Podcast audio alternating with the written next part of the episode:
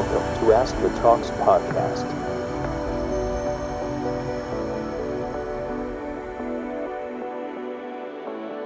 Ask the Talks video මාලාවේ විද්‍යාඥෙක් වෙන්නේ කොහොමද කියන තේම අවස්සි කරන ප්‍රෝග්‍රම් එක තවත් එපිසෝඩ්ඩයක් එක තමයි වාලා මේ විදිටත් මේ සති එකතු වෙන්නේ. තින් ඔවල් ඔක්කොම අයිවන් කියලා පිළිගන්න වෙනද වගේම ප්‍රෝග්‍රම් එක හොස් කරන්නේ මම අශානාරිවාංශ අද අපිත් එක්ක එකතු වෙන්නේ ආචාරය සුමේද ජයසයන හූ බයෝකෙමිස් කෙනෙක්. එකන්නේ ජෛව රසායන විද්‍යාඥෙක් අද එපිසෝඩ් එකෙන් මේ ජෛව රසායන විද්‍යාව පැත්තේ නිසරහට යන්න හිතන් ඉන්න කට්ටියට ගොඩක් දෙවල් දැනගන්න පුළුවන් වෙයි.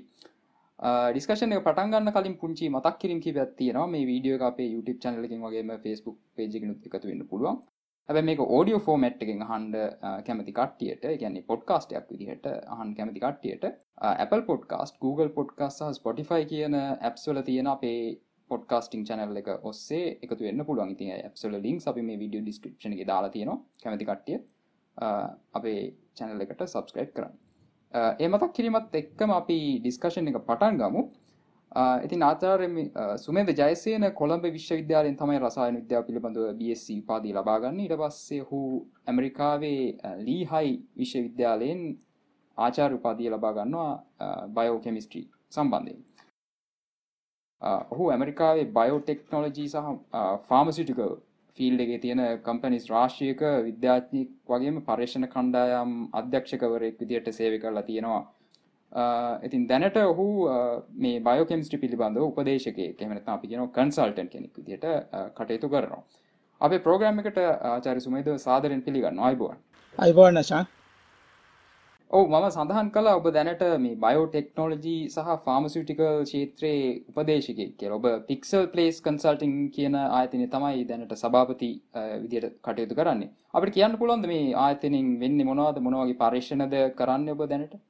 මෙහෙමයි. කන්සල්ටිං කියල කියපුවාම මම අනිත් බයෝටෙක්නෝලජී සහ ෆාමසූටිකල් කම්පනීස් එක්ක වැඩ කරන්න එතකොට වෙට් ලැබ් ඒ විදිහ එකක් නෙමෙයි කරන්නේ. උපදේශක විදියට ඒගොල්ලන්ගේ ග්‍රාන්ස් වලට ඒගොල්ලන්ගේ ප්‍රසන්ටේෂන්ස් වලට රෙගියුලටෝරි අෆෙයාර්ස් ඒ විදිහේ දේවල් වල නිරත හරි. ඔබ ඉතාම වැදගත් කර්තව්‍යයන් තමයි මේ විදිහට මේ ආයතනයේදී සිදු කරන්නේ. දැන් ඔබේ PhD එක කරනකොට ඔබ කළේ මේ බයෝටෙක්නෝලජී පැත්තේ මොනහර රිසර්ච් එහෙම නැත්නම් ෆාමසිටිකල් කෙමිස්ට්‍රි පැත්තේ රිසර්ච්ද මෙහෙමයි. මගේ PhD එකට මම කරේ DNA අපේ සම්පූර්ණයෙන්ම ජාන අන්තර්ගත වෙලා තියෙන්නේ අපේ ජීනෝමේ මේ DNA ස්ට්‍රක්චර් ඇන්ඩ් ෆන්ක්ෂන් කියන එක තමයි මම PhD එකට කරේ අසු පහේ ඉඳලා එතකොට සාමාන්‍යයෙන් DNA අණුවක් ගත්තොත් මේක හැදිලා තියෙන්නේ දාම දෙකකින් සාමාන්‍යයෙන් තියෙන්නේ දකුණු අතට කැරකැවිච්ච හිලික්ස් එකක් විදියට. මම අධ්‍යයනය කරේ වම් අතට කැරකැවිච්ච DNA ගැන. ඒක තමයි මම PhD එකට කරේ. මේ ඇයි මම DNA රිසර්ච් වලට ආවේ කියන කිව්වොත් මේක මගේ um, ඔළුවට uh, බීජයක් විදියට දැම්මනම් ඒ දැම්මේ um, uh, මම ඒ ලෙවල් කරන කාලේ ගියා අතිරේක පන්ති වලට uh, සෝලජි වල සත්ව විද්‍යාවේ. එතකොට හිටියා මිස්ටර් නෝනිස් කියලා um, ගොඩක් ඒ කාලේ ප්‍රසිද්ධ මේ ගුරුවරයෙක්. තවට ඒ මිට. නෝනිස්ට තිබුණා මේ අමුතු ශෛලයක කතා බහ. තවට ඒ පන්තියේදී තමයි මේ ජාන DNA නැස්ටික අම්ල කියන එක මට මුලින්ම දැනගන්න හම්බවනේ. එදා යම් කිසි විදියක මට තේරුණා මම මේ විෂයට කැමතියි කියන එක. හරි ඒක මගේ ඔළු ඇති තිබ්බා නමුත් මං ආපු ගමන කියන්නේ කෙලින්ම ආපු ගමනක් නෙමෙයි ඒක ගැන මං කිය පැහැදිලි කරන්න. ඒ ඒ නිසා තමයි මම මේ අණුක ජීව විද්‍යාව පැත්තෙන් නැස්ටික් ආම්ල නැත්නම් නියුක්ලික් ඇසිඩ් පැත්තට නැඹුරු වුණේ කියලා මට ගොඩක් වෙලාවට හිතෙනවා. ඔව් දැන් ඔබ කිව්වා ඔබ පාසල් යන කාලේ තමයි මේ ඉස්සලාම මේ නියුක්ලියෝ නියුක්ලික් ඇසිඩ් ගැන ආසාාවක් ඇතිවුණේ පැත්තට යන්න කෙලතින් ඒ කාලෙම හිතුනද විද්‍යාඥෙක් වෙන්න ඕනි කියලා කවුද නෑ එහෙම නෙමෙයි ඒ කියන්නේ මම අතීතයට ගියොත් ඒලෙවල් කරන කාලේ මට ඕමනා වෙලා තිබුණේ අපි සාමාන්‍යයෙන් ලංකාවේ හැමෝම ජීව විද්‍යාව පැත්තෙන් ඒලෙවල් කරනවා නම් දොස්තර කෙනෙක් වෙන්න. ඉතින් ඒ අවශ්‍යතාවය සහ ඒ ගෝල් එක මගේ ඔළුවේ තිබ්බා. නමුත් මට ඒලෙවල් වල රිසල්ස් අනුව හම්බුන්නේ මෙඩිසින් යන්න. එතකොට දැන් මං මේක කතා කරනකොට මං යන්නම් මගේ පොඩ්ඩක් ළමාවියට. මම පවුලේ එකම ළමයා මගේ අම්මයි තාත්තයි දෙන්නම ගුරුවරු. එතකොට මේ අම්මාට තිබුණා තියුණු ඇහැක්. ඒ කියන්නේ දර්ශනයක් තිබ්බා. මගේ ගැන. තාත්තා කලාවට ගොඩක් ලැබී කවියෙක්. එතකොට තාත්තාට එච්චරම මම කවුරු වුණාද කියන එක ගැන එච්චර අවශ්‍යතාවයක් තිබුණේ නැහැ නෙමෙයි. මට එහෙම කිව්වේ නැහැ. අම්මා වුණත් කිව්වේ නැහැ මට තිබුණ සම්පූර්ණ නිදහස. ඉතින් ඔහොම වකවානුවක තමයි මට මම මුලින්ම දැන් අපි පරිණත වෙනවා මැචුර් වෙනවා කියලා කියනවා. හරි. එතකොට O level වෙනකන් මං හිතන්නේ අම්මා තාත්තා වුණත් වෙන කවුරු වුණත් මට එහෙම ඉගෙන ගැනීමේ මේ කුසලතාවයක් තියෙනවා කියලා මේ ඇඳුන ගන්න ඇති කියලා කවුරුත් මම සාමාන්‍ය විදියට බොහොම සෙල්ලක්කාරී විදියට හිතපු කෙනෙක් ළමෙක් නමුත් මට තිබුණා මේ බොහොම මේ කියරියෝසිටි මයින්ඩ එකක්. ගැන මං හරි කැමති දේවල් හොයන්න. ඇයි මේක වෙන්නේ කියන එක. ඒක මං හිතන්නේ ගොඩක් වෙලාවට පොඩි කාලේ ළමයින්ට තියෙනවා ඒක. කාර් එකක් ගෙනවොත් කඩලා බලනවා කොහොමද මේක වැඩ කරන්නේ කියලා. ඒ වගේ ඒවම විතරක් නෙමෙයි මම මේ ඉලෙක්ට්‍රිසිටි පැත්තට ගොඩක් මේ නැඹුරුතාවයකුත් තිබ්බා. මට තිබුණ පොඩි මාළු ටැංකියක්. ඒ මාළු ටැංකියත් හා සම්බන්ධව මම මේ පොඩි කතාවක් කියන්න යන්නේ.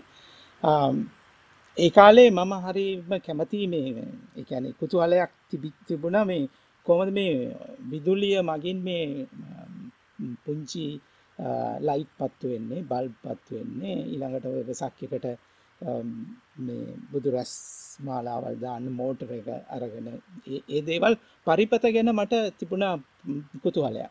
එතකොට ඒ කාලේ තමයි අපේ අපිට තිබුණේ ට්‍රාන්සිස්ටර් රේඩියෝ. ඒ කාලේ තිබුණේ මේ වෑල්ව් රේඩියෝ කියන ඒවා ලොකු මේ ෆිලිප්ස් කියන වර්ගයේ රේඩියෝ එකක් තිබුණා. ඒකට හැම තුන් මාසෙකම විතර පාරක් දානවා මේ ගෙනල්ලා දානවා බැටරියක්. මේ බැටරිය වෙනම තියෙන්නේ මේ දැන් තියෙන කාර් බැටරි වලට වැඩිය ටිකක් පොඩි. ඉතින් මම ඔය බැටරිය අරගෙන මම ඔය බැටරිය ගලවලා බලලා ඒ බැටරිය මොකද්ද මට කරන්න පුළුවන් කියලා අරගෙන ඒකට ඒකෙන් මම පොඩි පරිපතයක් තමයි ඉතින් සර්කිට් එකක් හදලා මම මේ මාළු ටැංකියට දැම්මා වයර් දෙකකුත් එක්ක වයර් දෙකේ අග දැම්මා මේ මේ ඒ කාලේ තිබිච්ච සතේ තඹ සත. ඔය තඹ සත දෙකක් අර වයර් දෙකට ගැට ගහලා මන් මන් දාලා මේ පෑ දෙක තුනකට විතර පස්සේ මං ඇවිල්ලා නිකන් බැලුවා මං මං දැක්ක මුලටම මේ යනවා මේ වාත බුබුලු. ඉතින් මං ඒකත් බලලා ඊට පස්සේ මං පෑ දෙක තුනකට විතර ආවෙන් පස්සේ මං දැක්ක එක සතයක් පොඩි. අනිත් සතේ උඩ තඹ මේ ඩිපොසිට් වෙලා තියෙනවා. එතකොට මම දැන් බැලුවා මේක එතකොට ඉලෙක්ට්‍රෝප්ලේටින් කියන එක දැනගෙන ඉඳපු නැති මගේ දැනුම තිබුණේ නැහැ. ඉතින් ඒ විදිහ පොඩි පොඩි පරීක්ෂණ මම මේ කරා. ඒ කියන්නේ අහඹු පරීක්ෂණ. කිසිම මේවක් නැතුව. ඊට පස්සේ තමයි දැන් අපි ඒ කාලේ වෙසක් කූඩු හැදුවා මේ කරගෙන වෙසක් කූඩුව. ගමේ ළමයි එකතු වෙලා ඒ කැරකෙන වෙසක් කෝඩුවට මේ මන් දන්නේ මේ අශාන්න ඉන්න කාලේම තිබුණාද කියන්නේ මේ මේ මොනවාද ලොජික් ගේට්ස් සර්කිට් මේවා තිබුණේ මේ ලොකු මේ මොනවාද කොටේක ඒ කොටේක කම්බි ගහලා ඒක එක එක තැන්වලදී මේක වදින්න ඕනේ සර්කිට් එක පත්තු වෙන්න. ඉතින් ඉතින් ඒ විදිහේ ඒවා හැදුවා. ඊළඟට කැටයම් කැපුවා. ඉතින් ওই ගොඩාක් දේවල් එක තමයි මේ මේ මේ ඔහොම ඉන්නකොට මම කියන්න ගියේ මට හම්බුනේ ඕලෙවල් වලට ඩී පහයි සී තුනයි එතකොට අම්මායි තාත්තයි හිතුවා මෙයාට මොකක් හරි දෙයක් කරන්න පුළුවන් කිය එතකං මං හිතන්න ඇගොල වනත් හිතන්න ඇති කියල මම ඉගෙන ගන්න දක්ෂතාවයක් තියෙන එක්කෙනෙක් කියලා. මම හිතනවා මම පරිණත වෙන්න ගත්තේ ඒ ඕලෙවල් වලින් පස්සේ හිමීට. එවට ඒලෙවල් දැන් මගේ පොඩිකාලි ගත්තොත් මම සෙන්ට ලෝසියස් ගාල්ලේ සෙන්ට ලෝසිස් එකට තමයිගේ අවුරුදු ග්‍රේඩ් ෆෝ ඉඳලා ග්‍රේඩ් 8 වෙනකම් හතරවෙනි වසර දක්වා මං ගියේ හීනටියන ප්‍රාථමික විද්‍යාලයට. ඒ ඇලෝසිස් එකට යන කාලේ ඒ ඇතරු මගේ ළමා කාලය හරිම සුන්දරයි. ඒ ළමා කාලය මට හිතෙනවා අපට ඒ හොඳ ළමා කාලයක් තියෙනකොට තමයි අපේ බුද්ධිය නැත්නම් අපි අපි ඉපදෙනකොට එන්නේ නිකන් මේ හාඩ් ඩ්‍රයිව් එක බ්ලැන්ක් නමුත් ඕකට ඉන්ෆර්මේෂන් අපි ගන්නවා ගොඩාක්. ඉතින් ඒ ඒ ඒ ඉන්ෆර්මේෂන් ගන්න මට හිතෙනවා ඒ ඒ ඒ ළමා කාලේ සිදුවන අත්දැකීම් හරියටම හරි වැදගත් කියන එක. නිදහස් සිතුවිලි හිතන්න දේවල් ගැන අපට ටොයිස් තිබුණු නැති නිසාම අපි ඒ සෙල්ලම් බඩු හදන්න බලනවා නිතරම. ඒ ක්‍රියේටිවිටි කියන එක මයිතන දැන් ළමයින්ට එච්චර හම්බ වෙන්නේ නැහැ. හම්බාගෙන ගියොත් ඇරෙන්න හැම දේම අපිට පැකෙජ් එකක එනවා. මේ ලේගෝස් වුණත් මෙහෙම හදන්න කියලා. ඉතින් දැන් ඒ විදිහට වැඩියේ මං දකිනවා අර මේ මේ තමුන්ම හදාගන්න උත්සාහයෙන් හදාගන්න දේවල් වලදී අපි මේ ගොඩක් දේවල් කනෙක් කරගන්න කොහොමද අපි රෝධයක් හොයාගන්නේ? ඒ කාලේ අපි බිස්කට් පෙට්ටි අරගෙන බස් එකක් වගේ හදනවා. ඒකට රෝධ හොයාගන්න ඕනේ. ඒකට ලයිට් එකක් දාගන්න ඕනේ. ඒ විදිහේ දේවල් අපි කරලා මම හිතනවා ඒවා අපිට ගොඩාක්ම උදව් වෙනවා වර්ධනය වෙන්න. ඉතින් මේ නාලන්දට ඇවිල්ලා නාලන්දෙදී මං ග්‍රේඩ් 8 ඉඳලා නාලන්දට ආවේ. ඕලෙවල් ගත්තා. එතකොට මං ශිෂ්‍යත්වය කරා ශිෂ්‍යත්වය මට මතකත් නෑ ඇත්තරම ශිෂ්‍යත්වය කරේ මම මේ ගාල්ල ඇලෝසිස් ඉන්නකොට. ඒ ඒ ශිෂ්‍යත්ව ප්‍රතිඵලවත් මට මතක නෑ. නමුත් නාලන්දට ඇවිල්ලා ඕලෙවල් කරලා ඊට පස්සේ ඒ ලෙවල් වලදී මට උවමනා වුණා සයන්ස් සයන්ස් පැත්තෙන් මේ බයෝලොජි පැත්තෙන් කරන්න. අර මට තිබිච්ච අර කුතුහලයේ ෆිසික්ස් පැත්තනේ අතරම බැලුවා නම් ඒක නෙමෙයි මට ඕන වුණේ මොකක් හරි විදිහකින්. ඒකට මම ඒ ලෙවල් කරේ මේ සූ බොටනි කෙමිස්ට්‍රි මෙතනදී මතක් කරන්න ඕනේ මේ කුලවංශ සර්ලා රංජනී මිස් ඒ වගේ කට්ටිය තමයි ඉගැන්වුවේ. ඊට පස්සේ ඒ ලෙවල් වලදී මම ගියා මොනවාද බාහිර පන්ති වලට සුවොලොජි වලට මිස්ටර් නෝනිස් ගාවට ඊළඟට මට හම්බුණා රෝල් මොඩල්ස් දෙකක් ජීවිතේ. ඒ තමයි අපේ ගෙවල් කිට්ටුවේ ඉඳපු තිලක මිස් කියලා තිලක මෙන්ඩිස් එයා තමයි බොට්නි කියන්නේ.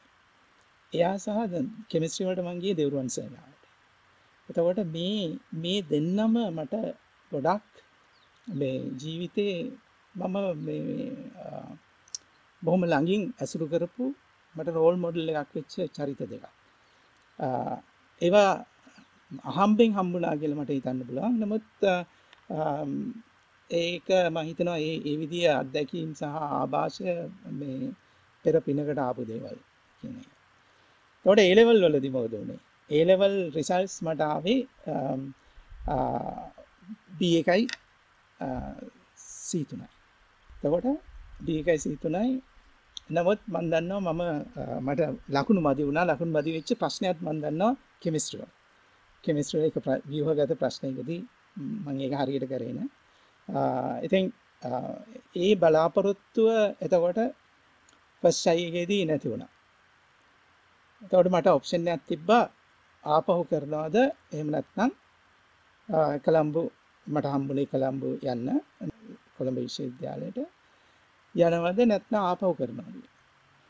මට අවශ්‍ය වුණේ දෙපාරක් කරන්න. එකක් තමයි මම දන්නවා තව අවුරුද්දක් හෝ එකමාරක් වෙන්නත් පුළුවන්. මේ නැති වෙනවා. මගේ ජීවිතේ. අනිත් එක තමයි දෙවැනි පාරත් මට කැනේ යන්න බැරවුණොත් ඒ අවුරුද්ධ නිකං නාස්ති කරගත්තා ති මම එනමුත් මට ඒ වෙනකොට අවශ්‍ය වුණා ඇවිල්ලා බේසික් ඩිග්‍රී කැනේ සයින්ස් පැත්තෙන් කියලා කෙමිස්ටි ස්පේෂල් කර ඒ කෙමිස්ට්‍රි ස්පේෂල් කරනවා කියන චේතනාවෙන් තමයි මම කැම්පස් එකට ආවේ. ඇවිල්ලා කැම්පස් එකේදී මම කෙමිස්ට්‍රි ස්පේෂල් කරලා ෆස්ට් ක්ලාස් එකක් අරගෙන ඊට පස්සේ තමයි මෙහෙට ආවේ. ඔවු දැන් ඔබ කිව්ව දැන් කැමිස්ට්‍රි ස්පේෂල්ලයක් කරන්න කොළඹ කැම්පස් එකට ආවා කියලා. දැන් සාමාන්‍යයෙන් ශිෂ්‍යන්ට සිද්ධ වෙනවා කෙමිස්ටි ස්පේෂල්ලයක් එමත ස්පේෂල්ලයක් ඕනම ස්පේෂල්ලයක් කරනකොට පර්යේෂණ කරන්න අන්තිම වසරදි නේද? ඔබ අවසන් වසරදි කරපු පර්යේෂණ මේ ගැන පුඩක් සඳහන් කරන පුළන්ද මොකද මේ බයෝ කෙමිස්ටියට සම්බන්ධ පර්ේෂණයක්ද කළ ඔබ? නෑ මෙහෙමයි. දැන්ඒ හොඳ ප්‍රශ්නයක් ඇහුව මොකද අන්තිම අපි හිටිය දාසය දෙනෙක් කෙමිස්ට්‍රි ස්පේෂල් බච්චේ එතකොට මේ මොන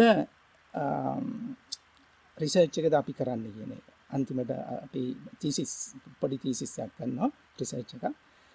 ඒක දී මම මට ඕන වෙලා තිබුණේ ෆොටෝ කෙමිස්ට්‍රි වලින් කරන්න. ෆොටෝ කෙමිස්ට්‍රී ඉගැන්නුවේ ප්‍රොෆෙස ඒපඩ සිල්වා. දැන් ඉන්නේ බෙල් ෆාස් වල කවීන්ස් කොලෙච්චගේ එයා මොකද මම නිතරම මට ඕන වුණා ප්‍රතිඵලයක් දකින්න හැම එකකම ෆොටෝගෙමිස්ට්‍රි වල අපි දකිනවා ප්‍රතිඵලයක්. ඒක අනිත් දේ අනිත් පැතිවලට ගියාමට වැඩිය මම ෆොටෝගෙමිස්ට්‍රි ගැන මේ මොලිකියල්ස් ගැන ගොඩාක් රුචියක් තිබිච්ච කෙනෙ ඒ නිසා නමුත් ඒ අවස්ථාව මට මග ඇරලා ගියා. මොකද ඒ කාලේ ප්‍රස ඒප එක්ක වැඩ කරන්න මගේ වෙන යාළුව දෙන්නෙක් සම්බන්ධ වෙලා හිටිය මට කලින්. එතකොට දැන් මං කියන්න ඕනේ අපේ එනවා මේ ජීවිතයේ තුම් මන්සල් දැන් ඒලෙවල් කරලා මෙඩිකල් කොලෙජ් යනවද නැත්නම් මේ සයින්ස් ෆැකල්ටි යනවද කියන එක ඒ ඒ තීරණය එතන ඒ තුම්බංසලේදී මට ආපු තීරණය ආවේ මගේ ලකුණුවලින් විභාගයෙන් හම්බෙච්ච එක. ඒකම මම මතක් කරන්න ඕනේ ඔය ඒ විභාගවලින් කෙනෙක්ගේ බුද්ධියම නෙමේ මනින්න කියන. මොද හේතුව මට ඒලෙවල් කරන කාලේ මට උගන්නපු මගේ යාළුව හිටිය. මට වැඩිය බුද්ධිමත්. නමුත් ඒ සමහර අඩුගාන දෙන්නෙක් තුන් දෙනෙකුට කැම්පස්සත් යන්න බැරුණ. එතකොට අපි දකිනවා මේ අපේ අධ්‍යාපන ක්‍රමේ තියෙනවා යම් කිසි අඩුපාඩුවක්. දැන් මෙහි ගත්තොත් මෙහි ඕනම එක්කෙනෙකුට කැම්පස් යන්න පුළුවන්. බේසික් ඩිග්‍රී එක ගන්නත් පුළුවන්. තමුන්ට හැකියාව තියෙනවා නම් මේ ඊළඟ ඩිග්‍රීස් වලට යන්නත් පුළුවන්. يعني කිසිම කෙනෙක්ට තමුන්ට අවශ්‍යතාවයක් තියෙනවා නම් ඒ අවශ්‍යතාවයට මාර්ගයක් තියෙනවා. අපේ රටේ ඒ යම් කිසි සීමිත රිසෝසස් නිසා එහෙම අවශ්‍යතා එහෙම අවකාශයක් තිබුණේ ඒ කාලේ දැනුත් එහෙමයි මම හිතන්නේ. එතකොට මම දකිනවා මේ මේ එහෙම මග හැරිච්ච අය ඉන්නවා හරිම බුද්ධිමත් අය. ඒගොල්ලන්ට ඒ අවස්ථාව හම්බුනේ දැන් ඒතකොට ඒ ඒ පළවෙනි තුන් මන්සල දෙවෙනි තුන් මන්සල තමයි මගේ ඔය ඔය කෙමිස්ට්‍රි ස්පෙෂල් මේ ඩිග්‍රේකේදී කරන්න ගන්න කියපු ප්‍රොජෙක්්. තවට මම ෆොටෝ කෙමිස්ට්‍රි කරනම් මං අද ඉන්න වෙනම තැනක. නමුත් මම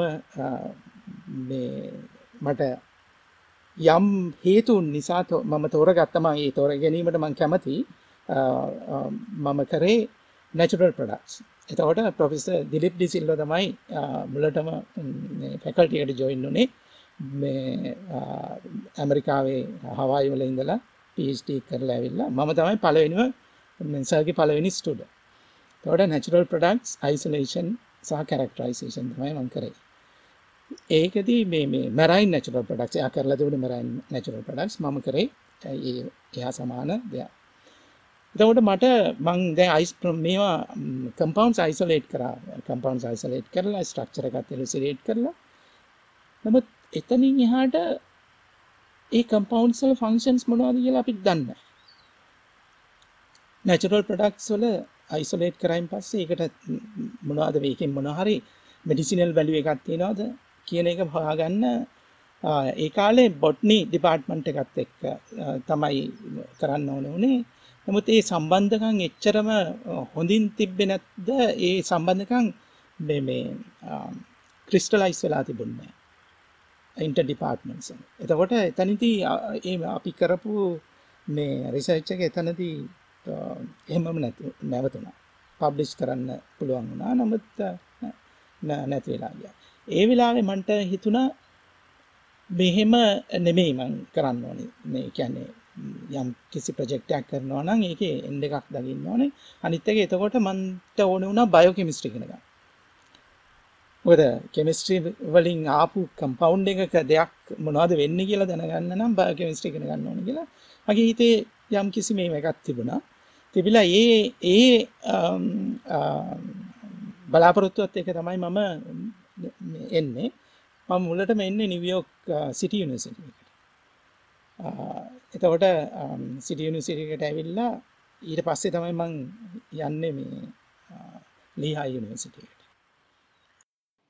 අපි දන්නවා දැන් කැම්පස් යන කාලේ කියන්නේ අන්ඩර්ග්‍රැජුවේට් එකට කැම්පස් යන කාලේ කියන්නේ ගොඩක් අත්දැකීම් ලැබෙන කාලයක්. දැන් ඔබේ ඔබට සුන්දර අත්දැකීම් වගේම කටුක අත්දැකීමුත් ඇති මේ කැම්පස් යන කාලේ.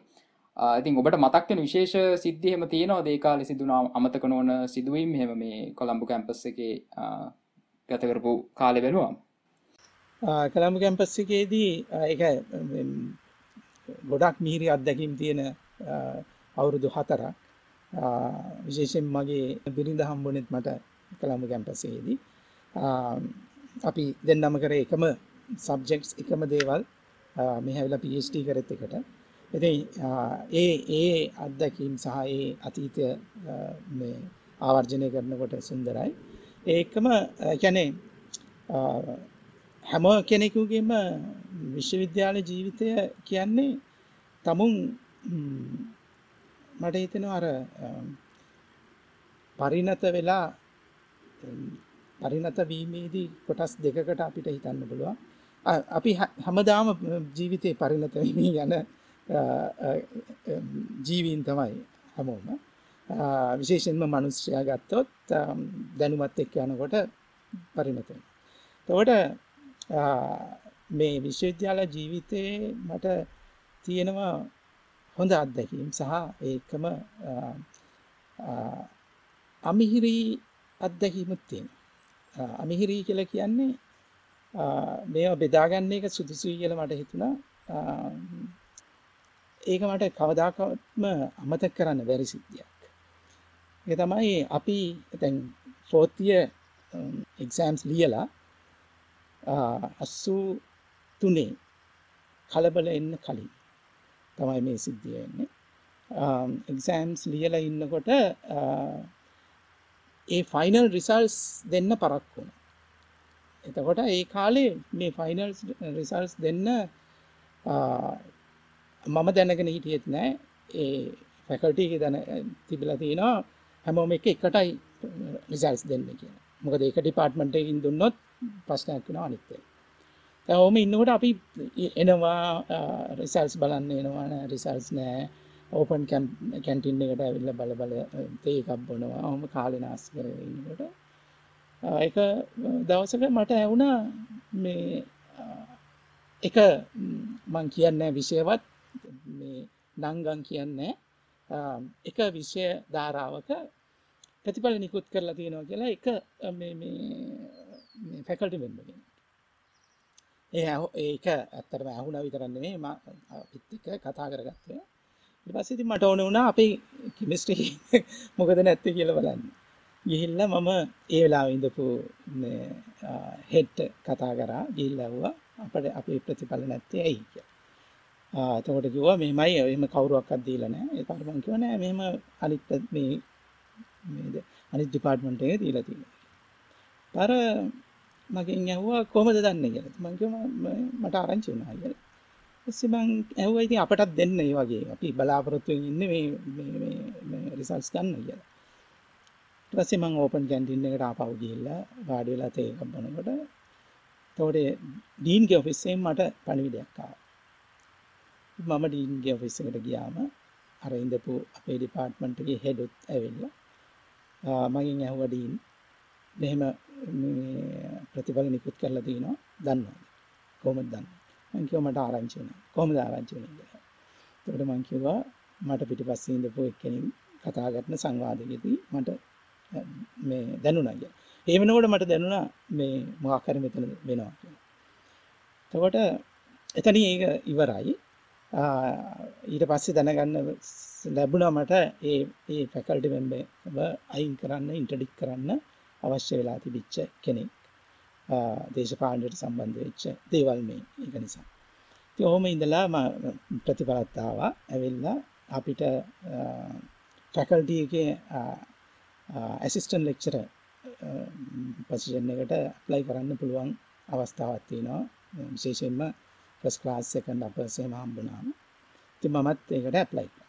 ඉතින් ඇප්ලයි කරපුවාම මේ මම ගියා ඉන්ටර්විව් එකට අ, මේ කොලෙජ් හවුස් එකේ තිබුණේ. එතකොට ඒ වයිස් චාන්සලර් සහ ඔ- අනිත් හැම ෆැකල්ටි හෙඩ්ස්ලා සහ සීනියර් ලෙක්චරර්ස් ප්‍රොෆෙසර්ස්ලා හිටියේ. එතකොට එතනදී මගේ ඉන්ටර්විව් එකේදී කිව්වා එක ෆැකල්ටිස් මේ මේ ඩිපාර්ට්මන්ට්ස් දෙකක හෙඩ්ස්ලා කිව්වා මෙයා මේ මේ මේ ට්‍රබල් මේකර් කෙනෙක් කියලා. එතකොට අ, නමුත් මගේ වාසනාවට මගේ ඩිපාර්ට්මන්ට් එකේ ඉඳපු සීනියර් ප්‍රොෆෙසර්ස්ලා දෙන්නෙක් ඒ වෙලාවේ කතා කරා මට පක්ෂව. මෙයාගේ එහෙම කිසි දෙයක් නැහැ කියලා දැන් එතකොට නමුත් මට හම්බුණා ඒක. ආ, එතකොට මට කල්පනා මට හිතුණා ඇයි මේ කියන්නේ මම කිසි දෙයක් දන්නේ නැතුව මේ මේ මම ගිහිල්ලා ඇහුවේ අපට ආ, අවශ්‍ය වෙච්ච ප්‍රතිඵල. හරි. දැන් මේක ගොඩාක් දුර ගිහිල්ලා. ඊට පස්සේ දැන් මම ඇසිස්ටන්ට් ලෙක්චරර් වෙලා ඉන්නකොට ආ, එතකොට කම්පියුටර් සයන්ස් අලුතෙන්ම ආපු කම්පියුටර්. ඉතින් මේ මේ කම්පියුටර් සයන්ස් ඩිපාර්ට්මන්ට් එක පටන් ගත්තා. මේ ෆැක මේ ලෙක්චරර්ස්ලාට සීනියර් ලෙක්චර් මේ මේ ඇසිස්ටන්ට් ලෙක්චරර්ස්ලාට සහ අනිත් ලෙක්චරර්ස්ලාට හම්බුණා කම්පියුටර් සයන්ස් ඉගෙන ගන්න. කම්පියුටර් එකක් කොහොමද පාවිච්චි කරන්න කියන එක බේසික් මේවා ඉගෙන ගන්න. නමුත් ඒක මට හම්බුන්නේ නැහැ. හරි. එතකොට එත- එතකොට මට හිතුණා මේක අපි මේ හදන්නේ ළමයි. අලුත් ඊළඟ පරම්පරාව. තොට ඒ ඊළඟ පරම්පරාව හදනකොට මේ ඉන්න ෆැකල්ටීක වුණත් අපි සංවේදී වෙන්න කියන ඒක තමයි. එතවට ඒ ඒකත් එක්ක මගේ තිබුණා යම් කිසි අර ලස්සනට කිරි කලයක් දොවල අන්තිමට අර ගොමටිකක් දම්ම වගේ අමීරයත් අත්දැකීමක් තිබුණ වගේ ඒකත් එක් ඔව් අපිට තේරනවා ඉතින් අ, කොයි වගේ අ, අත්දැකීම් ඔබට හම්බෙන් හම්බුනේ කියලා මේ කැම්පස් යන කාලෙදි. ඉතින් ඔබ ලංකාවේ ඉඳන් ඇමරිකාවට එනවා PhD එක හදාරන්න නේද 1980 ගණන්වල මුල් අවධියේදී. දැන් ඔබ ලංකාවේ ඉගෙනගත්ත දේවලුයි අ, ඇමරිකාවේ ඉගෙන ගන්න සිදුවන විදිහයි බැලුවාම ඒ දෙක අතරේ ලොකු වෙනසක් තියෙනවද මේ එඩියුකේෂන් ස්ට්‍රක්චර් එක දිහා බැලුවාම? ඕ දැන් මෙහෙමයි ආ, දැන් ලංකාවෙන් අපි එනකොට අපි අරගෙන එන දැනුම දැන් බොහොම වැඩි. ගැඹුරු දැනුමක් අරන් එනවා ආ, ඒ ස- විෂයන් සමග. ඒ කියන්නේ යම් කිසි කෙමිස්ට්‍රි නම් කෙමිස්ට්‍රි වල දැනුම කා- ඒ කියන්නේ ඕගනික් කෙමිස්ට්‍රිද ඉනෝගනික් කෙමිස්ට්‍රිද ඇනලිටිකල්ද හැම එකේම දැනුම මේ මේ හරිම ගැඹුරුයි. දැන් ආ, අපි ආපුවම මේ PhD එක කරන්න රිස මේ- මේ ඒ කරන කෝසස් වුණත් අපට හරි ලේසි මුලදී ඒ ම්, කරන්න ෆලෝ කරපු කෝසස් හරි ලේසි එකට හේතුව තමයි අපට හම්බෙච්ච ඒ ඒ- ඒ මේ- මේ අධ්‍යාපන ක්‍රම. නමුත් අම්, දැන් ඒ මේ- මේ පන්තිවල ඉන්නකොට අ, අපට තේරෙනවා ආ, මේ දැනුම ඩීප් වුණාට අනිත් අයගේ මෙහෙ මෙහෙ ආ, ළමයින්ගේ දැනුම අනිත් සබ්ජෙක්ට්ස් වල තියෙනවා. ඒ ඒ ඒක ආ, ඒ කියන්නේ අපි ගත්තොත් යම් ටොපික් එකක් ගැන කතා කරනකොට ඒගොල්ලන්ට ඒවා ගැන කතා කරන්න පුළුවන් දැනුම දැනුමක් තිබ්බා. අපිට තිබුණ තිබුණේ නැහැ. මට ඒ විශේෂයෙන්ම ඒ ඒ දැනුම තිබුණේ නැහැ. මොකද ඒ ඒ ලංකාවේ අධ්‍යාපන ක්‍රමය කැනේ සබ්ජෙක්ස් තුනකට සීමාවෙච්ච ඒලෙවල් ඉඳලම හරි එනකොට ඒ සබ්ජෙක්ස් තුනකට හතරකට සීම වෙලා එච්චරයි අපි um, ගැන කොමර්ස් ගැන දන්න මැතමැටික්ස් ගැන ගැන සාමාන්‍ය දැනීමක් විතරයි තියෙන්නේ. ෆිසික්ස් ගැන සමා ගොඩක් දේවල් දන්න නමුත් මෙහි අයට ඊට වැඩිය පුළුල් දැනුමත් තිබුණා. නමුත් ශැලෝ ගැඹුරුණ තින් තව එකක් තමයි මෙහි ශිෂ්‍යත් ශිෂ්‍යත් එක බලපුවාම අපි ඇත්තටම මේ බැක්වර්ඩ් අපි ඒක කල්චරගෙන් එන එක අපි කතා ගැන ප්‍රශ්න අහන්න හරි මැලි. ගැනේ වැරදීද කියන මෙහ අයට එහෙම වැරදුනා කියන ප්‍රශ්නයන්න ඒගොලො ඕන එකක් අහන හිතට එන එකක් අහන ඒ සබකෝලය කියන එක අපේ අපේ තිබුණා. නමුත් ඒක මෙහි පොඩි කාලේ ඉඳලම ඒක නැති කරනවා. මොකද පුංචි පන්තිවල ඉඳලම මේ කින්ඩ ගාන්ඩ එක ඉඳලම ඒගොල්ලො ප්‍රසන්ටේෂන්ස් දෙනවා. පොඩි පොඩි මාතෘකාවල. ඒවයින් තමයි ඒව නැති වෙලා යන්න. නමුත් අපට එවිදි අවස්ථාවක් හම්බුනේ නැහැ. අපි දීපු ගැන අන්තිම ස්පේෂල් කරනකොට සෙමිනාස් දුන්නා. ඒට කලින් ඉතින් එහෙම ඉච්චරම ලොකු පුළුල් සබකොලේ නැති කරන එකක් අපට තිබුන්න ඒක. ඊළඟ එකක් තමයි අපි අපම මේක ඉන්දියන් ඉන්දියාව ඉඳලා එනයටත් තිබ්බා ලංකාව ඉඳලා එනයටත් තිබ්බා. යර්ස් කියන එකටත් මෙහෙම නෝ කියන එකටත් මෙහෙම. ඔළුවෙන් කැනෙ ඔළුව පාවිච්චි කරන විදිය. තවට අපේ ලෙක්චරස්ට මේක හරි ප්‍රශ්නයක් වුණා. මේ මේවා මේ යස් කියන එකටත් එක විදි එකම දේ කියන නෝ කියන එක එකම දේ කියන එක.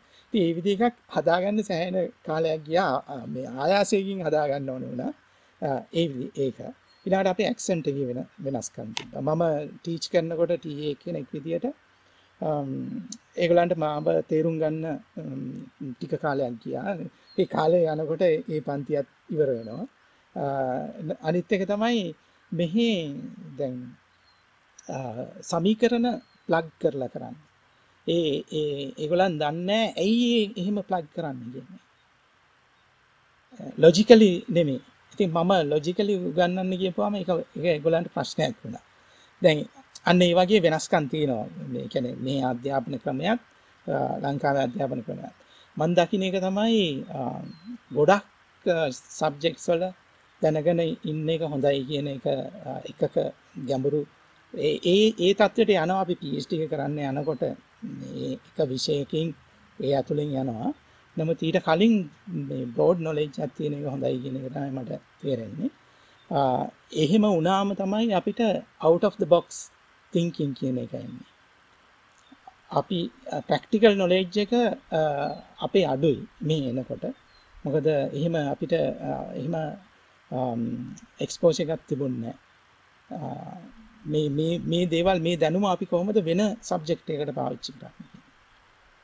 ඒක හරි වැදගත්. ඔව් ඔබ එවිදියට පිස්ටිගත් කරලා ඉන්ඩස්ට්‍රි ජොබ් එකකට තමයි යන්න නේද? ඇකඩමික් ජොබ් එකට යන්න නැතුව. ඉතින් මේ විදිහට මේ මෙතනත් අපි දකිනවා තුම්මන්සලක් ඉතින් ඒ තුම්මන්සලෙන් ඔබේ ඉන්ඩස්ට්‍රී පාත්තක තෝරගන්න හේතුව මොකක්ද මෙහෙමයි. ඒ කාලේ එකට හේතු කිහිපයක් තිබ්බා. මූලිකම හේතුව තමයි ඒ කාලේ ඇකඩමී ඇකඩමික් පොසිෂන් එකකට යන්න ග්‍රාන්ට් එකක් ගන්න තියෙනවනන් තමයි යන්න පහස. තොට ග්‍රාන්ස් ගන්න ඒ තරම්ම පහසු නැහැ මුලදී මුල්ම ග්‍රාන්ස් ගන්න. එක එකක්. අනිත් එක තමයි මම දැකපු එකක් තමයි මම මේ මගේ පෝස්ටෝක කරේ එස්රයි නැත්නම් ස්ටන්ෆර්ඩ් රිසර්ච් ඉන්ස්ටිටියුට්ගේ ඒක ඇත්තටම තිබ්බා සම්පූර්ණයෙන්ම ඇකඩමික්ම ඉන්ස්ටිටියුට්යන් නෙමේ ඉන්ඩස්ට්‍රී එකත් එක්ක වැඩ කරපු ඉන්ස්ටිටියුට්ට තැනති මට ආව පොඩි එක්ස්පෝෂ එකක්. මොකක්ද මේ ඉන්ඩස්ට්‍රීක කියන්නේ? මොනාද කියන වන මට හිතනවා ඒ එතැනදි මන් දැක්කා අපි ගෙනගත්තු දෙයක් ඇප්ලයි කරන්න පුළුවන් හරි ඉක්මට ඉන්ඩස්ට්‍රීගේ ඇකඩමික් රිසර්ච් ගොඩක් හොඳයි. ඒ ඒවාට ගියානං මට මට හිතෙන්නේ තමුන්ගේ කැමැත්ත තමයි ඒ විශේෂයෙන්ම. ඇකඩීමියාවල රිසර්ච් සහ ඉන්ඩස්ටිවල් රිසර්ච් බොහෝදුරට එකම නෙමේ ඒගොලන්ගේ මෙන්ටලිට එක වෙනස්. දෙගොල්ලන්ගේම මෙන්ටලිට එක වෙනස්. මේ ඇකඩමික් රිසර්ච්චල ගොඩක් ගෝල්ස් දුර තියෙන්නේ. මේ හඹා යන්න පුළුවන් ගොඩක් දුර තියෙන ඉලක්කයක්කට යන්න පුළුවන්. මං කියන මේ හැම එකම එකයි කියන එක. නමුත් බොහෝ ප්‍රොෆෙසර්ස් ලගේ රිසර්ච් ඒ විදියට තියෙන නමුත් ඒගොලන් හැම ප්‍රොෆෙසත් එහෙමත් නෙමේ එක අය නමුත් බොහෝ මැජෝරිට එක විදියටයි. ඉරඟට නමුත් um, uh, ඉන්ඩස්ට්‍රීගේදී අපට තියන ටයිම් ෆ්‍රේම් ඒ ටයිම් ෆ්‍රේම් එක ඇතුළි තමයි ආකරි ප්‍රජෙක්ටයක් ඇචීව් කරන්න ඕනේ. එමනැත්නම් අයින් කරන්න මට හිතනවා මම ඉන්ඩස්ට්‍රීකට ගියපු එකින් ගොඩක් um, දේවල් මට කරන්න හම්බුණා. Uh, මම ගොඩාක් කෙලාවට um, කාලයත් එක්ක uh, අපට තියන්නේ කෙටි කාලයක් කියලා හිතන කෙනෙක්. ඒ නිසා ඒකට හේතු කීපයක් තියෙනවා. නමුත් මගේ හිතේ තියෙන නිතරම වැඩ කරන එකක් තමයි අපි අපේ කාලය කෙටි. අපි ඉන්න කාලය කෙටි. ඒ කාලය අතර තුර මොන හරි දෙයක් කළොත් විතරයි ඉතුරු කරන්න පුළුවන් යමක් කියන එක. එතකොට මට හිතෙනවා මම ඕවරෝල් ඉන්ඩස්ට්‍රි එකට ගියප එක හොඳයි කියලා මට හිතෙනවා. ඔව් දැන් ඔබ ඉන්ඩස්ට්‍රි එකට ගිහිල්ලා අවුරුදු 35කට ඇතිස් පහක් විතර ඇවිල්ලා තියෙනවා ඒ දුර ගමන. ඉතින් ඒ ගමනේ විශේෂ අවස්ථා මන හරි තියෙනවද අපිත් එක් බෙදහදාගන්න පුළුව ඕ දැන්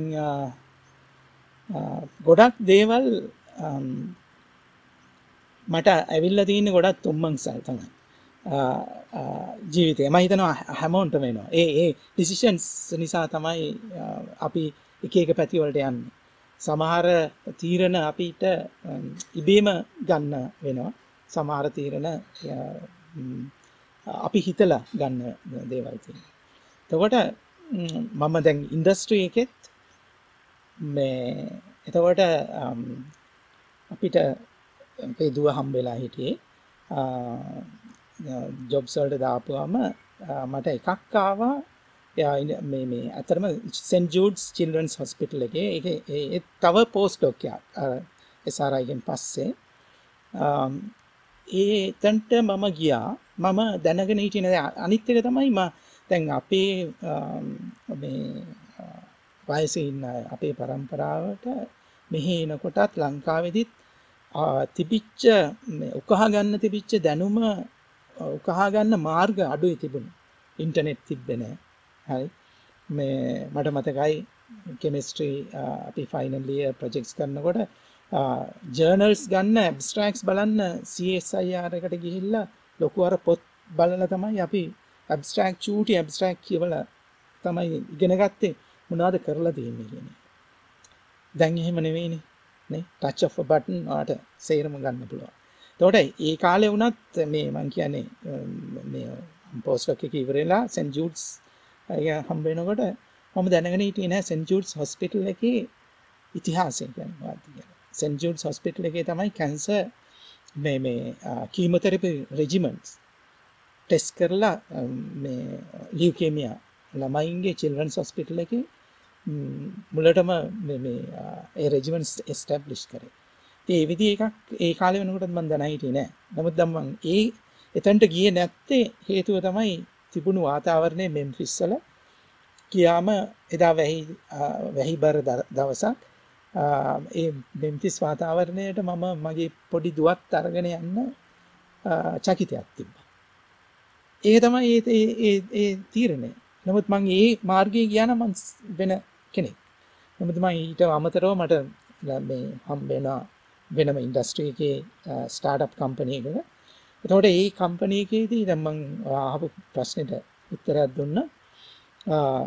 දැන් PCR ටෙස් කියල යනවනි දැ මේ හැමෝම මේ කාලේ PCR ටෙස්ට එක නොදන්න කෙනෙක් නෑ ඇත්තටම තවයි PCR ටෙස්ට එක අදත් මේ අ, කතා කරන හැම PCR ටෙස්ට් එකකම බයෝලොජිකල් ෆ්ලුයිඩ්ස් පාවිච්චි කරනවා නම් ඒකට අම්, ඒ ටෙස්ට් එක ඇතුලේ තියෙනවා මගේ ගෲප් එකෙන් හදපු ඉන්හිබිටර් එක. අ, ඒ ඒ ඉන්හිබිටර් එක අ, අවශ්‍යයි ඒ PCR ටෙස්ට් එක හරියාකාරව කරගන්න. ඉතින් ඒක අම, ඒ කියන්නේ මේ ඒක ම- ම- කීප දෙනෙක් දන්නවා ම- මේ ඒක මම ම්, ආඩම්බරයි ඒක ඒක ගැන. ආම්, ඊළඟට තව එකක් මං උදාහරණ දෙකක් දෙන්න එකක් ඒක. දෙවෙනි එක තමයි මේ ඒ කාලේ ආම්, මම මෙතනදී පොඩ්ඩක් යනවා මේ ආ, විෂය ධාරාවේ පොඩි දේවල් ටිකක් කියන්න. මේ ඒ කාලේ තිබුණා කම්පනීස් වැඩ කරා මේ අපි දන්නවා DNA ඉඳලා ප්‍රෝටීන් එක ම්, මේ අපේ ජානයක් එක්ස්ප්‍රස් වෙන්නේ ප්‍රෝටීන් එක. ඒ එක්ස්ප්‍රස් වෙන්නේ යනකොට මේ DNA එකේ tie- තියෙන ඉන්ෆර්මේෂන් තමයි RNA එකට ගිහිල්ලා RNA එකකින් තමයි ට්‍රාන්ස්ලේට් කරන්නේ ප්‍රෝටීන් එකට. ඉතින් මේ mRNA මෙසේජ් එකක් මේ විනාශ කරොත් එතකොට අර ප්‍රෝටීන් එක එක්ස්ප්‍රස් වෙන්නේ නැහැ. ආ, එතකොට අපි දන්නවා සමහර අ, රෝග කාරක අ, ජාන තියෙනවා. ඒ ජාන අ, මේ අ, නිෂ්ඵල කරොත් එක්ස්ප්‍රස් වෙන එක නැවතුවොත් මේ ඩිසීස් එක හැදෙන්නේ නැහැ කියන එකට තෙරපියුටික් එකක් විදිහට පාවිච්චි කරන්න පුළුවන්. ඒක න- ඒක අ, අ, නිෂ්ප්‍රභා කරන්න භාවිතා කරා රයිබසයින් කියන එන්- RNA වලින්ම හැදිච්ච එන්සයිම්. එතකොට ඔය මේ ඔය ටෙක්නොලොජි එක රයිබසයින් ටෙක්නොලොජි එක ආ, භාවිතා කරපු කම්පනීස් තිබුණා තුනක් හතරක් විතර. දැන් ආ, ඒගොල්ලන් ඒ රයිබසයිම් එක ඩිසයින් කරන්න පුළුවන් ආටිෆිෂලි. හරි කෘත්‍රිමව ඩිසයින් කරලා ඒ අවශ්‍ය සීක්වන්ස් එක ම්, මේ ක්ලීව් කරන්න තමයි ඒක භාවිතා කරන්නේ. දැන් ඔය කෘත්‍රිමව ඩිසයින් කරපු රයිබසයිම්ස් මේ ටෙස්ට් ටියුබ් එකේ වැඩ කරනවා. නමුත් සෛලය ඇතුළට ගියපුවාම ඒ සෛල මේවල වැඩ කරන්නේ නැහැ. දැන් ඕක ලොකු ප්‍රශ්නයක් තිබ්බ. නමුත් මේ ප්‍රශ්නය හැමෝම දැනගෙන හිටියට ඒක ප්‍රසිද්ධිය කතාබහට ලක්ුන්නේ නැහැ. මේගොල්ලෝ හැමෝම මේ ටෙක්නොලොජි එක දිගටම කරගෙන යනවා. නමුත් අ, මේ ඉන් වීවෝ ඩේටා එනකොට ම්, මේ සත්තුන්ගේ අ, සහ සමහර මේ මේ ටිෂු කල්චර් පරීක්ෂණ වලදී පවා ප්‍රතිඵල ඉච්චර සතුටුදායක නෑ. අ, ඒකට දැන් අ, දැන් මං දැන් ඔය තත්ත්වය ඔහොම තියෙනකොට මම අම්, එක කම්පනීකින් අයින් වෙලා මාව ගත්තා හය කරා ඇම්ජන් කම්පනීකට ලොකු බයෝටෙක් කම්පනී එක අම්, ඒ ජීන් තෙරපි වල ප්‍රෝග්‍රෑම් එකක් ලීඩ් කරන්න තමයි ගත්තේ. ඒකෙදී අ, අදහස වනේ ජීන් තෙරපි කියන එක මං කිව්වොත් එහෙම මේ අ, අපේ යම් කිසි අපේ තියෙන ජී- ජානයක් අ, විකෘති වෙච්ච ජානයක් තියෙනවා නම් එයින් විකෘති ප්‍රතිඵලයක් හම්බෙනවා ඒ අ, ඒ ජානය අම්, හරි ජානයක් අපි දුන්නොත් ම්, කෘතිමව ඒ අර විකෘති ප්‍රතිඵලය ම්, මේ ආ, හොඳ අතට ගේන්න පුළුවන් හරි එතකොට ඒක අ, ඒක තමයි ජීන් තෙරපි කියලා කියන්නේ බොහොම සරලව එතකොට ඒ නමුත් දැන් ජානයක් දැන් ඒ ජානය දුන්- දෙන්- දුන්නම ඇතුළට ඇඟ ඇතුළට දුන්නම මේක හදිස්සියේ මේකෙන් මොන හරි දෙයක් අ, මේ නරක දෙයක් ඇති වුණොත් කොහොමද අපි ඒක නවත්ත ගන්න කියන්නේ. ඒකට ඒකට අපිට ඕන වුණා කන්ට්‍රෝල් මෙකැනිසම්. ඔය කන්ට්‍රෝල් මෙකැනිසම් එක හදන්න තමයි මේ අ, මාව හය කරේ. එතකොට ඒකට මම පාවිච්චි කරපු එක තමයි මේ මේ රයිබෝසයිම් එක. එතකොට රයිබෝසයිම් එකෙන් පුළුවන් අර mRNA එක කපලා මේ නි- නිෂ්ප්‍රභා කරලා දාන්න. එතකොට ওই රයිබෝසයිම් එක එක වැඩ කරනකොට මම දකිනවා අපේ ගෲප් එක දැක්කා මේක වැඩ කරන්නේ නැහැ. නමුත් දැන් ස්වභාව ධර්මයේ තියෙනවා රයිබෝසයිම්ස්. එතකොට ඒ ස්වභාව ධර්මයේ තියෙන රයිබෝසයිම්ස් එක බලලා ම්, බලලා අපි හොයාගත්තා ඇයි වැඩ කරන්නේ නැත්තේ කියන එක. ඒ වැඩ කරන්නේ නැත්තේ කියන එක හොයාගත්තායින් පස්සේ අර කම්පනි සේරම ඒගොල්ලන්ගේ දේවල් වහලා දැම්මා. මොකද ඒ, ඒක ප්‍රැක්ටිකලි කරන්න අමාරුයි එය මේ මේ ස්වභාවයේ තියෙන රයිබෝසයිම්ස් ලොකුයි. එතකොට ඒ විදිහ එකක් දාගන්න අමාරුයි. ඉතින් ඒක මට හිතෙනවා ඒ ඒ- ඒ දෙකම මට ම්, මේ හොඳයි ඒ කියන්නේ ආඩම්බරයි කියලා. ඔවු දැම් මේ බයෝ කෙමිස්ට්‍රි සහ බයෝ ටෙක්නොලජි පැත්තේ මොනවගේ ඔපචනිටස් තියෙන කියලා කියන්න පුළුවන් ඇමරිකාව සහ වෙනත් රෝක ලෝකේ රටවල් වල? දැන් ඇමරිකාව සහ අනිත් රටවල් වල අ, ලංකාවත් ඇතුළුව මේ මේ අ, ක්ෂේත්‍රය ඉතාමත්ම සීග්‍රීන් පැතිරෙනවා. බයටෙක්නොලජි බයටෙක්නොලජි කියපුවම ඒක විශාල පුළුල් ක්ෂේත්‍රයක්. ඒක නිසා අ, දැන් තවත් එකක් තමයි දැන් මේ දැන් තියෙන මේ කොවිD-19 රෝගය සහ වෛරසය. ඒකත් එක්ක බලපුවාම මේ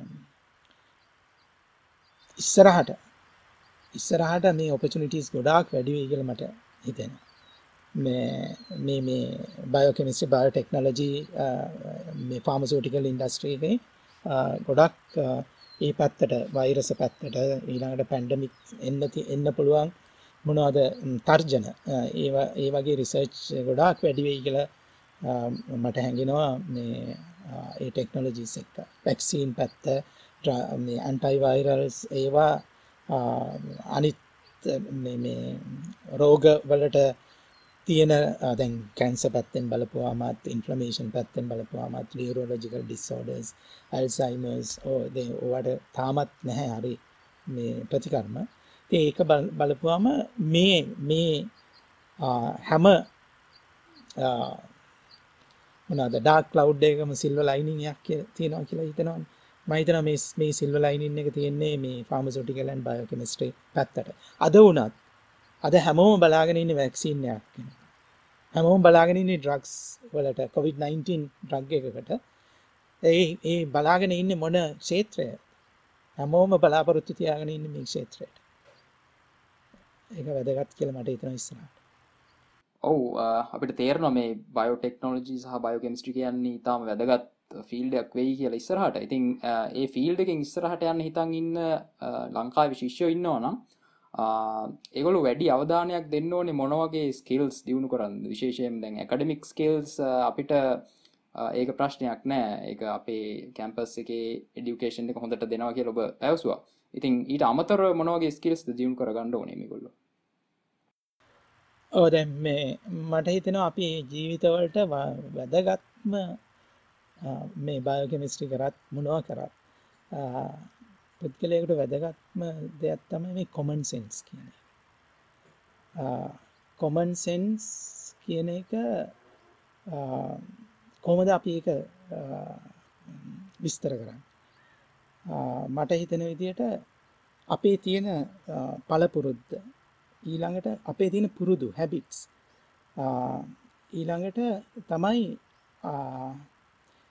පලපුරුද්ද හැබිටස් පුරුදු ඒකම out of the box thinking කියන මහිතන out of the box thinking එන්නේ common sense තියෙන හරහා.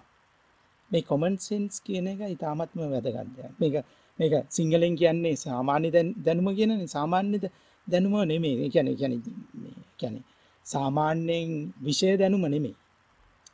ස්- අපි දන්නවා විෂය දැනුම දන්නා ඉන්න ඕන තරම්. නමුත් ඒගොල්ලන්ට මේ කොමන් සෙන්ස් කියන එක නැහැ. ඒක අ, ඒක මම හිතනවා ජාන වලින් එන මේ මේ දායකත්වයකුත් තියෙනවා. ඒකම තමුන්ගේ පුරුදු වලින් ඇක්වය කරගන්න පුළුවන් මට්ටමකුත් තියෙනවා කියලා මට හිතෙනවා.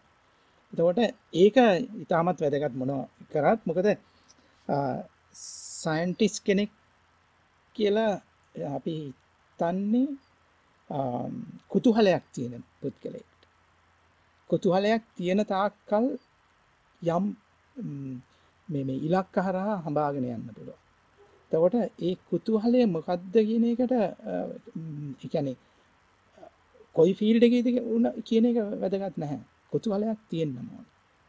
නමුත් කුතුහලයක් නැතියට සයින්ටිස් කෙනෙක් වෙන්න බැරිද? පුළුව ඒගොල්ලන් ඕනම එකැන තමුන්ට ආසාවත් තියෙනවා නම් වෙන්න පුළුව නමුත් වාට දැන් ඕනම ක්ෂේත්‍රයක එතනින් එහාට යන්න අමාරුයි.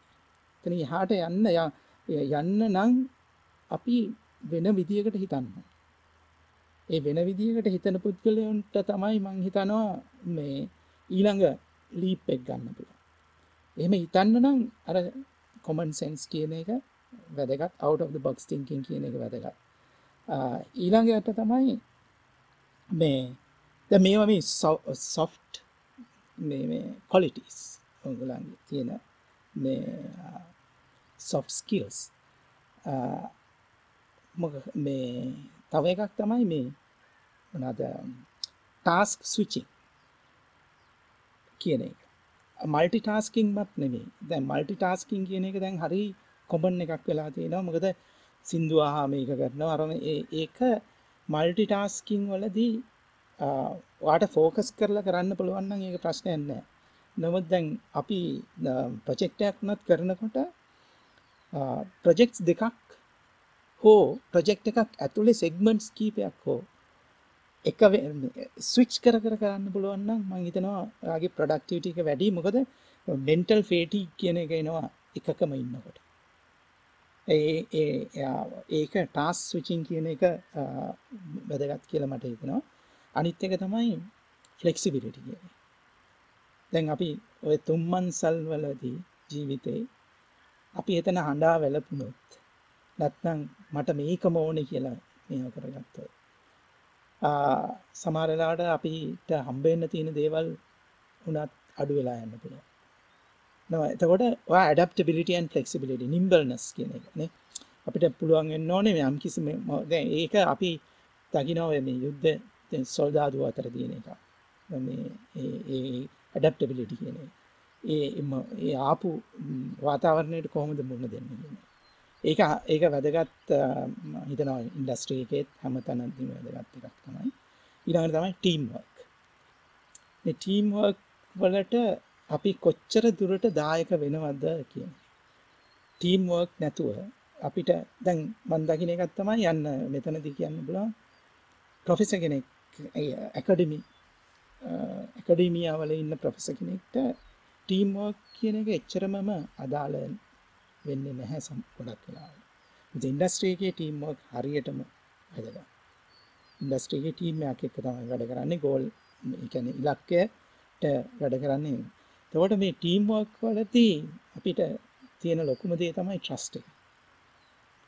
අපි ට්‍රස් කරන්න නැත්නම් විශ්වාසයක් නැත්නම් අපේ ටීම් මෙම්බර්ස්ටත් එක්ක එතනදී එතන මේ මේ ටීම් වර්ක් එකක් කරගන්න අමාරුයි. ඊළඟ එක තමයි රෙස්පෙක්ට් ඒ රෙස්පෙක්් එකක් නැති වුණ ට්‍රස්ට එක නැතු වෙනවා. එතකොට ට්‍රස්ට එක හම්බවෙන්නේ වාට එකැනවා කොච්චර රෙස්පෙක්් ෆුල්ද කියන එක. වා කොච්චර දුරට දෙයක් කිව්වොත් වා එක කරනවා. රෙස්පොන්සිබිලිටියක් බාරගන්න පුළුවන්. යා ඔයා ඩෙලිව කරනවා කියලා දන්නවා නම් අනිත් එක්කෙන. ඒක ඒක හරි වැදගත්.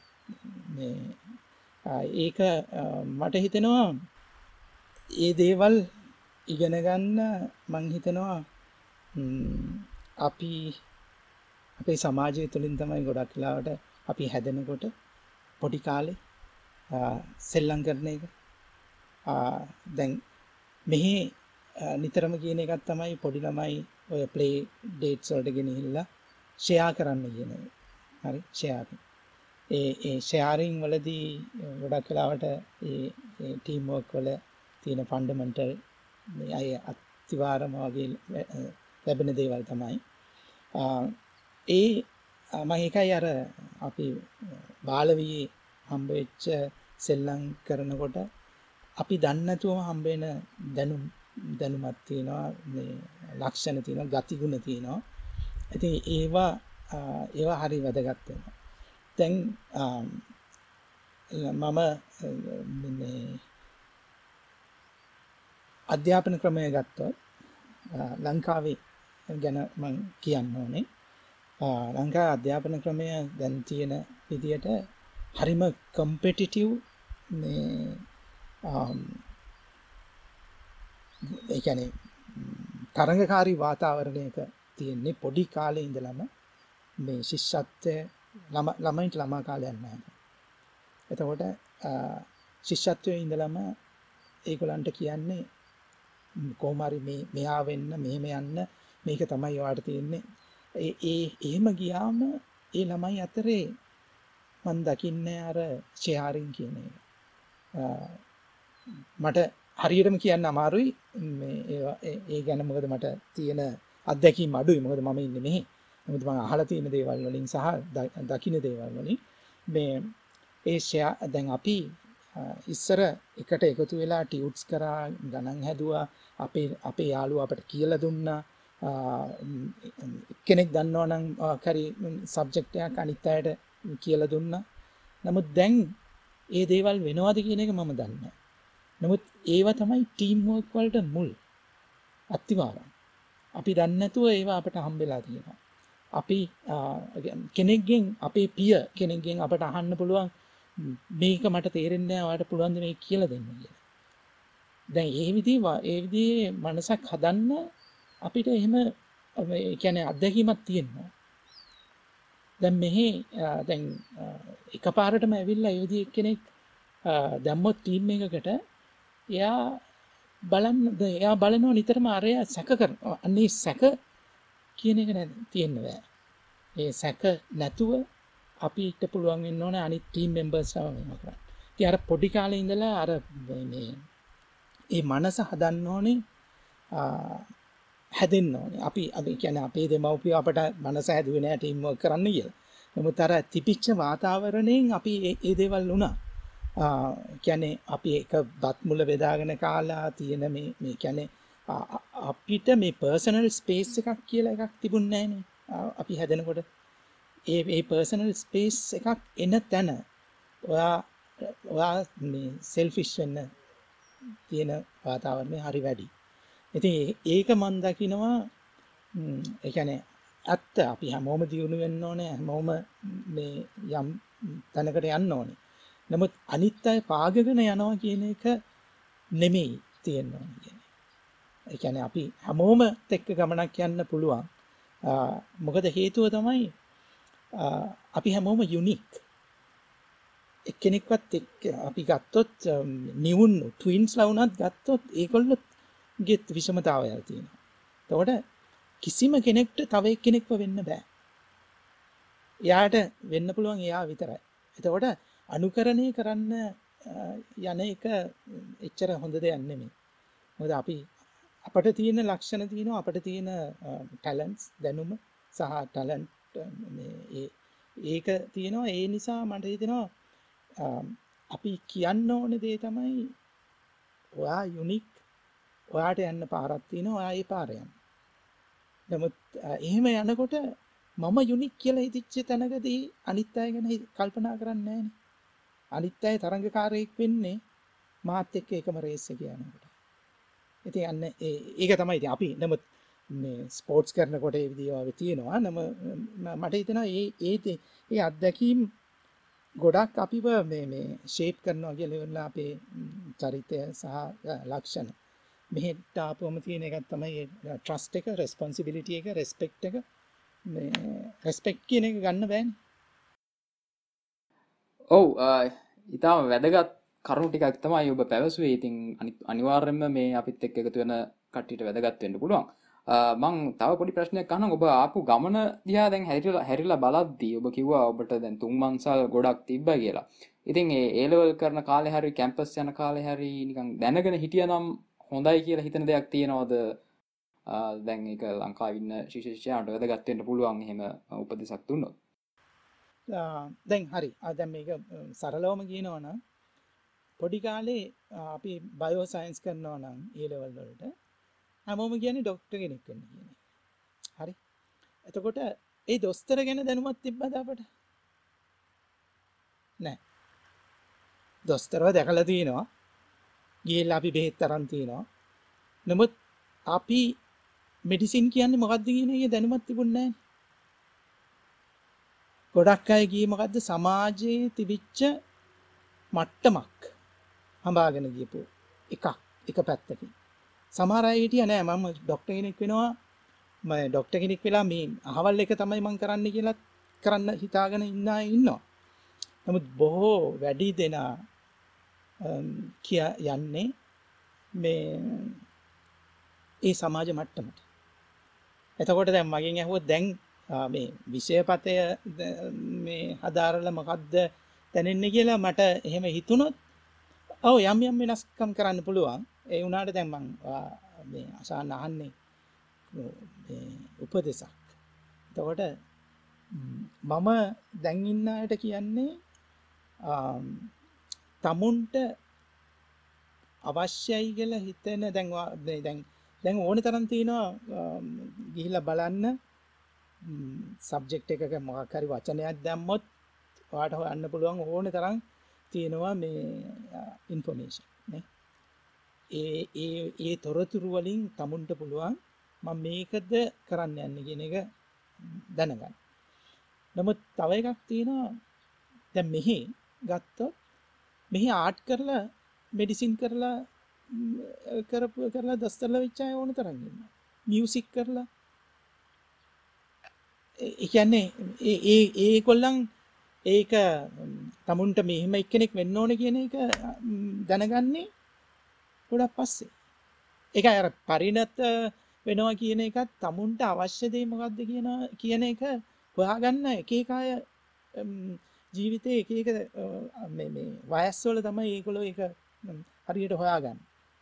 ඉතින් ම්, මට දෙන්න පුළන් මේ ඇඩ්වයිස් එක තමයි ගිහිල්ල බලන්න බලලා තමුන්ට තමුන් කෙමිස්ට්‍රි කරත් පාට ෆාමසුටිකල් ඉන්ඩස්ට්‍රිකට එන්න පුළුවන්. තමුන් මේ එහෙ ෆිසික්ස් කරත් මෙහ ඇවිල්ලා ඉගෙන ගන්න පුළුවන්. ඒ ඒ- ඒ- ඒකයි. ඒ එකනේ එහෙම එක පාරටම ගොුණුවෙන එකත් හොඳ නෑ කියල මට දෙෙනවා මොකද අපි අප- අපේ පරම්පරාවේ තිබි- තිබුණු දේ තමයි අපි ටියුබ් එකගේ හැමතිස්සම. නේ? ඕලෙවල් ඕලෙවල් වලදී අපි යනවා කොමර්ස් ඊළඟට මොනවද? වානිජ කලා ම, විද්‍යාව එතකොට ඒ ටියුබ් එකෙන් ගියයින් පස්සේ ආපහු අර පැත්තකටවත් යන්න විදියන්න ඊළඟට එතනින් ගිහිල්ලා සයින්ස් කරපු එක්කෙන යනවා මැත් කරනවාද මේ මේ බයෝ කරනවා ති අයිතැන් ඒ විදිේ වාතාවරණයක අපි අපි ගිහිල්ලා අපිට මෙහ විදිට එන්න පුළුවන්. නමුත් කිසිම ගෙනකුට කියන්න බෑ අම්, ඔයාගේ ගමන ඔයාගේ ඔයාගේ ගමන මොකක්ද කියලා. මම මෙන්න මේ විදියට යනවා කියලා ජීවිතයක් හදාගත්තු එක්කෙනෙක් ඉන්නවනම් මං ඒ මම හරිම පුදුම වෙනවා. ඔයාට අන්න අස්සම්භාව්‍ය ලෙස හම්බවෙන තැන් දේවල් තියෙනවා. තමුන් හිතාගෙනම කරගෙන මේ වගේ මේ ජයගත්තු දේවල් තියෙනවා කඩයිම් තියෙනවා. නමුත් මම අහවල් එක්කෙනාම වෙනවා කියලා අ, යන්න අ, එකට මට එහෙම උනේ නෑ. ඒක නිසා මට අමාරුයි කියන්න. හරි. අ, අපි දැන් අපේ ඩිස්කෂන් එක අවසාන විනාඩි කීපට තම ඇවිල්ලා ඉන්නේ. මම ටිකක් වෙනස් ප්‍රශ්නයක් අහන්නම් අවසාන ප්‍රශ්න විදියට. දැන් අපි දන්නවා ඔබ කන්සල්ටිං ජොබ් එකක් තමයි කරන්නේ අ, දැනට. එකන ඔබට දැන් ගොඩක් ෆ්‍රී ටයිම් එකක් තියෙන ඇති කියලා හිතනවා. එති ඔබට අදහසක් නැද්ද ලංකාවට ගිහින් ලංකාවේ දියුණුවට දායක වෙන්ඩ හෙම අයිඩිය එකක් තියෙනවාද? ම හිතනවා ඒක ඉතාමත් වැදගත් ප්‍රශ්නයක්. මොකද හේතුව තමයි අම්, ආ, මම විතරක් නෙමෙයි. ආ, එක එක ක්ෂේත්‍රවල ඉන්න අය ඉන්නවා. ආ, මේ කැනේ මෙහෙ ආ, ගොඩක් වැඩ කරලා ආ, දැනුම ආ, උකාගෙන ආ, ලංකාවට සේවයක් කරන්න පුළුවන් සේවයක් කරන්න කැමති ආ, අය ඉන්න එතකොට මමත් එක්කෙනෙක් ආ, නමුත් ලංකාවට ඒ අයව ගන්න මාර්ගයක් මන් තාම දැකල නැහැ. ම්, එහෙම මාර්ගයක් තිබ්බොත් මට හිතනවා මේ කැනේ ලංකාවේ එක ඒක ක්ෂේත්‍ර විවිධ ක්ෂේත්‍ර දියුණු කරන්න පුළුවන්. දැන් උදාහරණයක් වශයෙන් ගත්තොත් සිංගප්පූරුව සිංගප්පූරුව දියුණු කළේ ආ, ඒගොල්ලො ගෙනවා එක්ස්පර්ට්ස්ලා ලෝකෙ හැමතැනින් නොබල් ලෝරියටස් ගලන්න මිලියන්ස් ගණන් පඩි ගෙවල ගෙනල්ල එකොළන්ගේ එක එක ෆිල්ස් වලට ඒක්ස්පර්ට්ස ගෙනල්ලා ඉගොලු තමයි සිංගප්පූරුව ඒ තම් තාක්ෂණය පැත්තෙන් ආ, වෛද්‍ය විද්‍යාව පැත්තෙන් බයෝටෙක්නෝලජි ෆාමසෝටිකල් හැම පැත්තෙන්ම මේ ෆයිනෑන්ස් පැත්තෙනු එලියට ගෙනන්න මේ වර්ධනය කරේ. තකොට සිංගප්පූරුවට ලංකාවත් එක්ක හැප්පෙන්න්නවත් බෑ රිසෝසස් එක්ක බලපුවා. අපට තියෙන සම්පත් ලංකාව තියෙන සම්පත් එක්ක සිංගප්පූරුවට හැප්පෙන්න්නවත් බෑ. ඒ ඒකම ලංකාව තියෙන බුද්ධිමය සම්පත්. ඒ සම්පත් ගන්න මාර්ග තියෙනවා මාර්ග හදාගන්න එක තමයි අවශ්‍ය වෙන්නේ. එතකොට මේදී තව දෙයක් තියෙනවා. ඒක අපේ කල්චය එකත් එක්ක යන එකක්. දැන් සිංගප්පූරුව කල්චය එක ගත්තොත් සමාජය ඒගොල්ලන්ගේ තිබුණේ මොකක් දෙකට කියන්නේ? රිප්‍රෙසින් සොසයිට එක. කියන්නේ මිලිටරි කන්ට්‍රෝල් එක ගවන්මට ඒ ඒ කන්ට්‍රෝල් එක හොඳයි. එතකොට ඒගොල්ලන් ගෙනල්ලා දාපුහම ඒකැන ටොප් ඩවන්් ස්ට්‍රක්චර එකක් තමයි තිබුණ. එතකොට අරගේ එලියෙන් ගේන අයට පිටරටෝලින් ගෙනල්ල දා ප්ලාන් ඉම්පලාන්් කරන අයවට ප්‍රශ්නයන්න අනිත්ත ඒගොලන් කියනවා අහන්න හරිමක් කරයකට නමුත් දැන් ඒකට වඩා දැම් අපි බලන්න ඕන ඒ ලංකාව මේකට ගැන අවශ්‍ය වාතාවරණය නොලැබෙන්න හේතු බලන්නත්. ඒකට මට හිතෙනවා ඒ කල්චරකත් වැදගත් අපි අපේ කල්චර එකේ පිටරටින් එක්කෙනෙක් කාවත් ඒන්නේ ඇමරිකන් එක්කෙනෙක් ඕස්ට්‍රේලියන් එක්කෙනෙක් ඒවිදි එක්කෙනෙක් ඇවිල්ලා කියන දේවල් අහනවා අහන්න එකන රුචියක් දක්වනවා නම්්‍යතාවයක් තියෙනවා අපේම එක්කෙනෙක් ඇවිල්ල කියනට වැඩි. ඒක මන් දැක්කේ ඒ උදාහරණ උදාහරණයක් තියෙන. අපේ ක්‍රිකටර්ස් ලබල අපේ ක්‍රිකටර්ස්ලා ගිහිල්ල අනිත් රටවල්වල මේ පුහුණුවීම් කරුවන් විදියට වැඩ කරන. මුත් අපට අපේ ලංකාවට මේ ක්‍රිකට් දියුණු කරන්න අපේ අයව ගන්න බැරුණ. ඉතින් දැන් දැන් ඒ විදිහේ දේවල් තමයි මම දකින්නේ. ඒකට හේතුව ඒ කියන්නේ ඒක ඒක අපේ සමාජයේ තියෙන දෙයක්. නමුත් ඒක වෙනස් කරන්න පුළුවන්. වෙනස් කරන්න බැරි කමක් නැහැ වෙනස් කරන්න පුළුවන්. දැන් තවත් දේවල් තියෙනවා. දැන් අපි හිතමු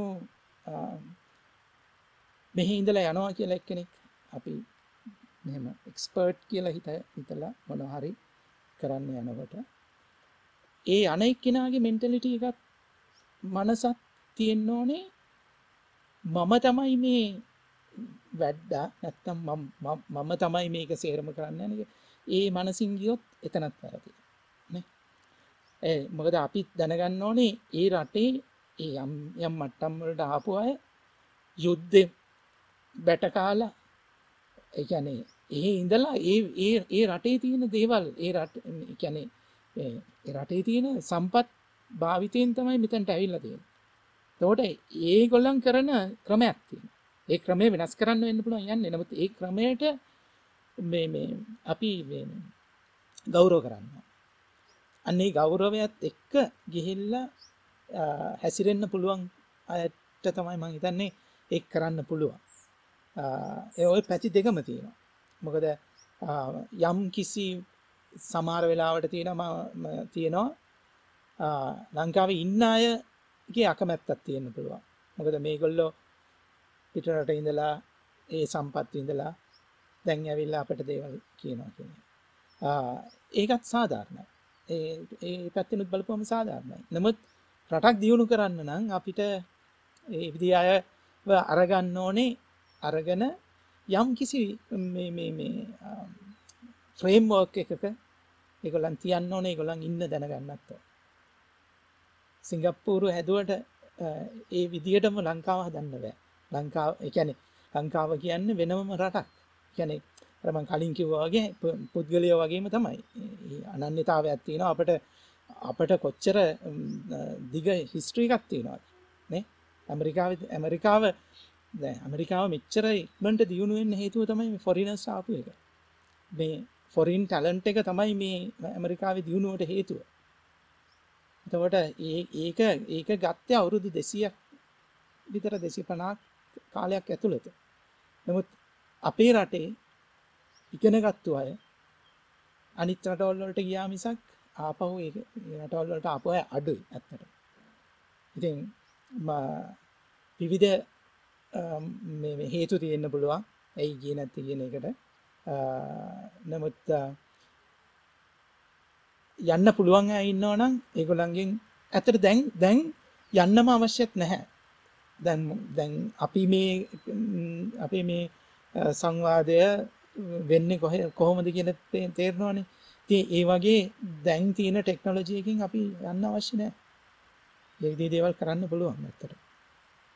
ඔවු අපිට ඒවගේ දෙයක් අහන්නත් බොහොම සතුටුයි මේ වගේ විද්‍යාඥයෝ ලංකාවට ගිහින්. එහෙමනැත්තම් මෙහෙ ඉදං හරි ලංකාව සංවර්ධනයට දායක වෙන්න සූදානමින් ඉන්නවා කියනෙක් ගැන.